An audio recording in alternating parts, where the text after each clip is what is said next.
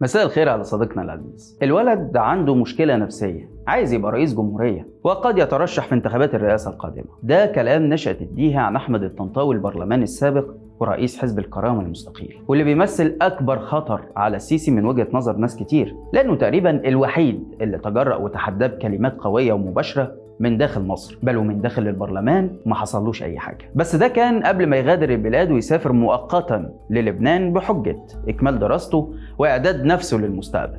في الوقت اللي طلعت فيه تقارير بتقول إنه جرى إبعاده عن المشهد السياسي بسبب ضغوط أمنية على حمدين صباحي وقيادات حزب الكرامه وبالفعل الطنطاوي اعترف إنه حصل خلافات عميقة وواضحة دفعته للاستقالة من رئاسة الحزب لأنه رفض يغير مبادئه أو مواقفه تجاه السلطة اللي قال بكلمات قوية برضه انه عمره ما يكون حليف أو شريك ليها. لأنها ببساطة لا تستحق تأييده وإنها أسوأ سلطة عدت على مصر في آخر 200 سنة وإن الحوار الوطني ما هو إلا مناورة سياسية من السيسي. هدفها تجميل صورته قدام الخارج. أوعى تحط رجل على رجل وتتكلم وإنت الموضوع ما تعرفوش. الناس بتسمعك ولما يلاقوا الكلام مترتب يفتكروا إن كلامك حقيقي وتبقى أنت ظلمت نفسك وظلمت الكلام. ده كان كلام السيسي عن حوار أحمد طنطاوي مع بي بي سي. اللي اتكلم فيه عن الديون وعن خطورة بيع أصول الدولة وفكر السيسي بوعوده إنه مش هيحكم أكتر من 8 سنين وقال له إن أفضل قرار تاخده هو الرحيل. الطنطاوي تتفق أو تختلف معاه تقول إنه معارض حقيقي أو مصطنع وبيلعب دور مرسوم بس ما تقدرش تنكر إنه أكثر المعارضين في مصر جدية.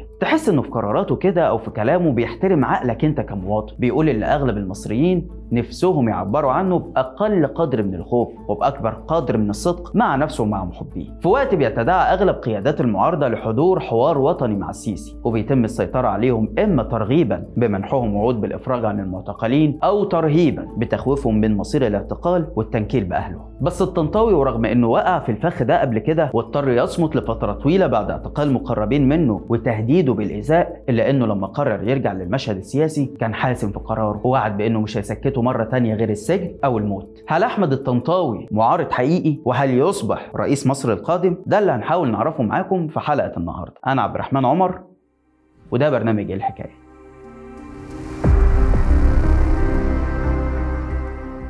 لكن أنا شخصيا لا أحب الرئيس ولا أثق في أدائه ولست راضيا عنه. أهلا بيكم. أحمد الطنطاوي صحفي وسياسي اتولد لأسرة مصرية في مركز قليين بمحافظة كفر الشيخ درس في جامعة المنصورة وحصل على ماجستير في العلوم السياسية من جامعة القاهرة.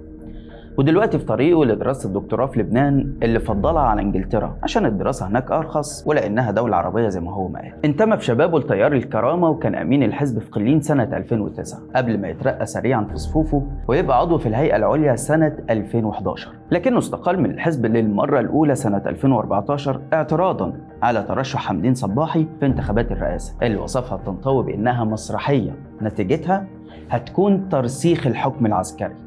وده كان أول خلاف بينه وبين أستاذه. طيب بما إننا عرفنا الطنطاوي مع دخوله البرلمان سنة 2015 يا ترى بقى إيه مواقفه في الفترة من 2011 لحد 2014 الحقيقة نقدر إننا نقول إنها مواقف عادية أو متوقعة. يعني الراجل شارك في ثورة 25 يناير أيد حمدين صباحي في انتخابات الرئاسة 2012 عارض الرئيس الراحل محمد مرسي وشارك في مظاهرات 30 يونيو اللي طالبت بانتخابات رئاسية مبكرة. وهنا في ملاحظتين مهمين. الأولى إن الطنطاوي كان من الناس اللي أدركت خديعة 30 يونيو متأخر شوية. لأنه بدأ يعارض نظام السيسي تقريبا في 2014 الملاحظة الثانية هي موقفه من الإخوان أو الإسلاميين بشكل عام واللي نقدر نقول إنه متوازن وكأنه ماسك العصاية من النص يعني رغم إنه بيتجنب دايما الكلام عنهم بس أحيانا تلاقيه بيقارن بين محاكمة مرسي ومحاكمة مبارك. ومرة تانية ينتقد السيسي ويفكروا بكلامه عن الإخوان بتاع كانوا عايزين ياخدوا السلم معاهم فوق. الطنطاوي بزغ نجمه مع عبوره للبرلمان كنائب مستقل. بعد ما قدر يحصل على دعم الشباب ويعتمد على مشاريعه الخيرية ودي بالمناسبة ما كانتش مهمة سهلة أبدا. لأنه قدر يفوز على رجال أعمال مقربين من النظام وأبناء أسر ليها تاريخ طويل في البرلمان. واللحظة دي هي اللي ادت له ثقة في نفسه وإيمان في مشروعه الحالم بمستقبل أفضل. في البرلمان بدأت مشاكساته مع السلطة وبدأ يظهر إنه بيمثل صوت نشاز مختلف عن الأغلبية المؤيدة.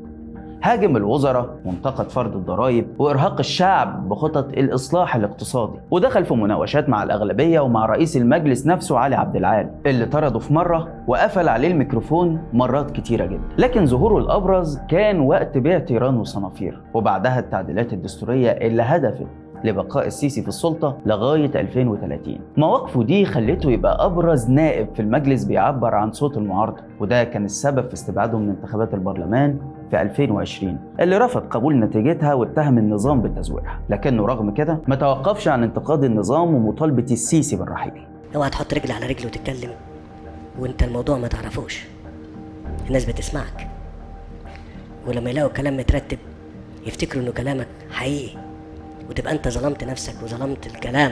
طب لما هو شجاع كده ليه ما اتقبضش عليه؟ خاصة بعد خروجه من البرلمان وخسارته الحصانة. في الوقت اللي ناس تانية مجرد بس ما بتكتب بوست على الفيسبوك بتروح ورا الشمس. الحقيقة إن ده سؤال منطقي جدا وبيراود كل الناس تقريبا. وحتى رشا قنديل وجهته بشكل غير مباشر لأحمد الطنطاوي اللي يبدو إن هو نفسه ما عندوش إجابة واضحة عليه. يعني غير إنه بينفي إنه يكون جزء من خطة هدفها تلميعه أو استخدامه على طريقة كتير من معارضي مبارك اللي الشعب اتخم فيهم ومنهم حتى أستاذه حمدين صباح اللي بيشترك معاه في حاجات كتير جدا. زي إنه الاتنين مهنتهم الأولى هي الصحافة والاتنين من كفر الشيخ والاتنين من المنتمين للتيار الناصري وتحديدا حزب الكرامة. كل التشابهات دي بتخلي بعض الناس تقول إنه مشروع حمدين صباح جديد وإنه عشان شاب فالحماسة واخداه شوية بس هيجي في لحظة مفصلية ويكرر اخطاء ومؤامات صباحي. الطنطاوي قال إن في ناس أفضل منه دفعوا ثمن غالي من حريته بس هو اتأذى بطريقة أشد. واتقال له مش هنعمل منك بطل. وسأل هو معقول أكون متفق مع النظام وأروح أطالب برحيله أو أكون متفق معاه على تفنيد مزاعمه وتقديم بدايل بشكل علمي؟ يعني عايز يقول أنا مش ذنبي يا جماعة إن ما تعرضتش للاعتقال لغاية دلوقتي. هل بقى الكلام ده صحيح ولا لا؟ محدش يعرف. وجزء كبير من الناس هيفضل عنده علامات استفهام على النقطة دي. بس جزء تاني عنده أمل إن الطنطاوي يكون نسخة أكثر صدقا وشجاعة من غيره. والحقيقة إنه محدش هيحسم الإجابة على السؤال ده غير المستقبل ومواقف الطنطاوي نفسه. كمان هنا مش عايزين ننسى إنه الراجل اتعرض لأشكال من الإيذاء والتهديد. ناس من مكتبه وحملته اتقبض عليهم بالفعل. وده كان سبب صمته الطويل وبعده عن المشهد لفترة مش قصيرة. ده طبعا بالإضافة لأن سفره بره مصر واضح إن أحد أهدافه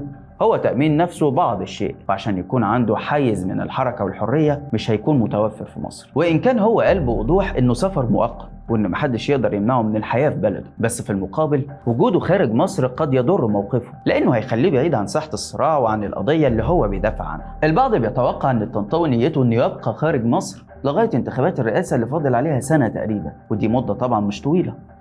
لكن هل فعلا دي خطته؟ طيب هل هتنجح ويقدر ينزل مصر ويشارك في الانتخابات؟ طيب هل هيقدر ينافس السيسي ويهزمه وتكون دي نقطة تحول في تاريخ مصر؟ مفيش شك إن دي أسئلة بدري قوي إن إحنا نجاوب عليها بس عايز أقول لكم إن ده السيناريو اللي مؤيدي السيسي نفسهم بيعبروا عن خوفهم من حدوثه. يعني مثلا تلاقيهم بيقولوا إن الطنطاوي نفسه يتقبض عليه وإنه عايز يحسس الناس إنه مستهدف عشان يتعاطفوا معاه ويكسب تأييدهم. كمان بعض الإعلاميين قال لك إنه رايح لبنان عشان يتدرب على الخطابة والزعامة وإنه عايش دور جمال عبد الناصر وعايز يبقى رئيس جمهورية وكأن ده اتهام.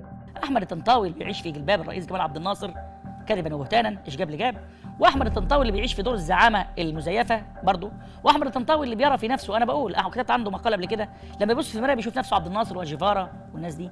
عنده مشكلة نفسية الولد. الولد عايز يبقى رئيس جمهورية. الولد عايز يبقى رئيس جمهورية وقد يترشح على منصب رئيس الجمهورية. قال ما قال مالك في الخمر وقال للرئيس أرحل وقال انتخابات الرئاسيه مبكره وخلق. ولا حد قال له فينك حتى الآن. هو حد لمسه؟ حد حبسه؟ ما حصلش. مؤيدي النظام شايفين إن الطنطاوي مجرد أداة لمكايدة السيسي وإن أغلب مؤيديه من الإخوان. وواحد فيهم كتب إنه ملوش تاريخ سياسي وكل إنجازاته إنه ما بيحبش السيسي. وهنا بقى عايز أقول له اسم الله قوي على التاريخ السياسي للسيسي.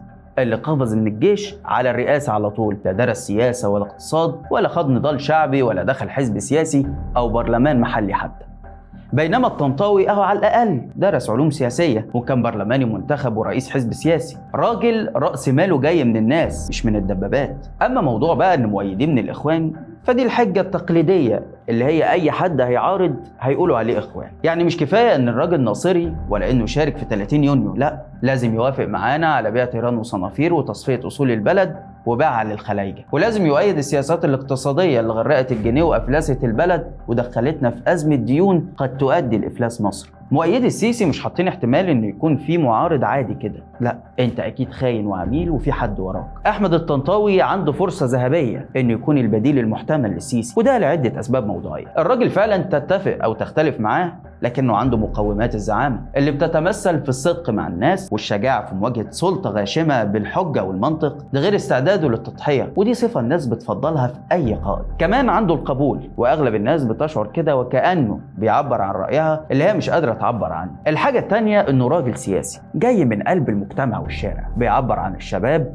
والأمل في مستقبل أفضل. مستقبل فيه الناس بتنتخب رئيس مدني أولوياته هي رضاهم وغايته إن حياتهم تكون أحسن. السبب الثالث بقى إنه مش إسلامي وده هيسهل عليه المهمة مع أطراف محلية وإقليمية عندها عداوة مع التيار الإسلامي السياسي. أجهزة الدولة ممكن تكون عندها قابلية على التعامل مع رئيس جاي من التيار الناصري أكتر بكتير من قابليتها للتعامل مع رئيس جاي من التيار الإسلامي. نفس الكلام ينطبق على القوى الإقليمية والدولية. وإن كان النقطة دي مسار شك برضه لأنه في النهاية الأطراف دي سواء داخلية أو خارجية هتكون مهتمة في الآخر بمصالحها. وفي اللحظة اللي الرئيس المدني أيا كان هو مين أو توجهه إيه في اللحظة اللي هيهدد مصالحها هتحاول تطيح بيه بأي شكل وتجيب حد تاني بقى يحقق لها مصالحها. الكلام ده ينطبق على الجيش والمخابرات اللي ابتلعوا اقتصاد البلد ومش هيكون سهل على أي رئيس إنه يرجعهم لدورهم الأصلي في السنوات الجاية. السبب الأخير ويمكن ده اللي الطنطاوي بيراهن عليه هو فشل السيسي اللي الكل بقى شايفه واللي محدش عارف هيوصلنا لفين. وزي ما قلنا في الحلقة بتاعت نهاية السيسي إنه أحد السيناريوهات المحتملة هي إبعاده واستبداله بشخص مدني. قد يكون الطنطاوي هو الشخص ده. في النهاية حابب أشكركم على التفاعل الكبير مع الحلقة اللي فاتت وعلى تعليقاتكم بجد اللي أسعدتني جدا. خاصة تعليق راني أحمد اللي بيقول إن طيارة السيسي طرازها أمريكي لأنها من شركة بوينج. مش ألماني زي ما أنا ما قلت بالخطأ. والقصة كلها إن الشركة الأمريكية كانت مصمماها أصلا لصالح شركة لوفتهانزا الألمانية قبل ما تشتريها الرئاسة المصرية مقابل حوالي نص مليار دولار. عشان كده انتقلت مؤخرا من ألمانيا لإيرلندا بهدف طلاقها استعدادا لدخولها الخدمة. بس كده لحد هنا والحلقة خلصت. ما تنساش بقى إنك تقدر تسمع البرنامج بتاعنا بودكاست من الرابط اللي هتلاقيها في التعليقات. وكمان اعمل لنا like و share واشترك في القناة الجديدة على اليوتيوب. واستنانا كل جمعة الساعة 8 بالليل بتوقيت القاهرة في حلقة جديدة من برنامج إيه الحكاية. سلام.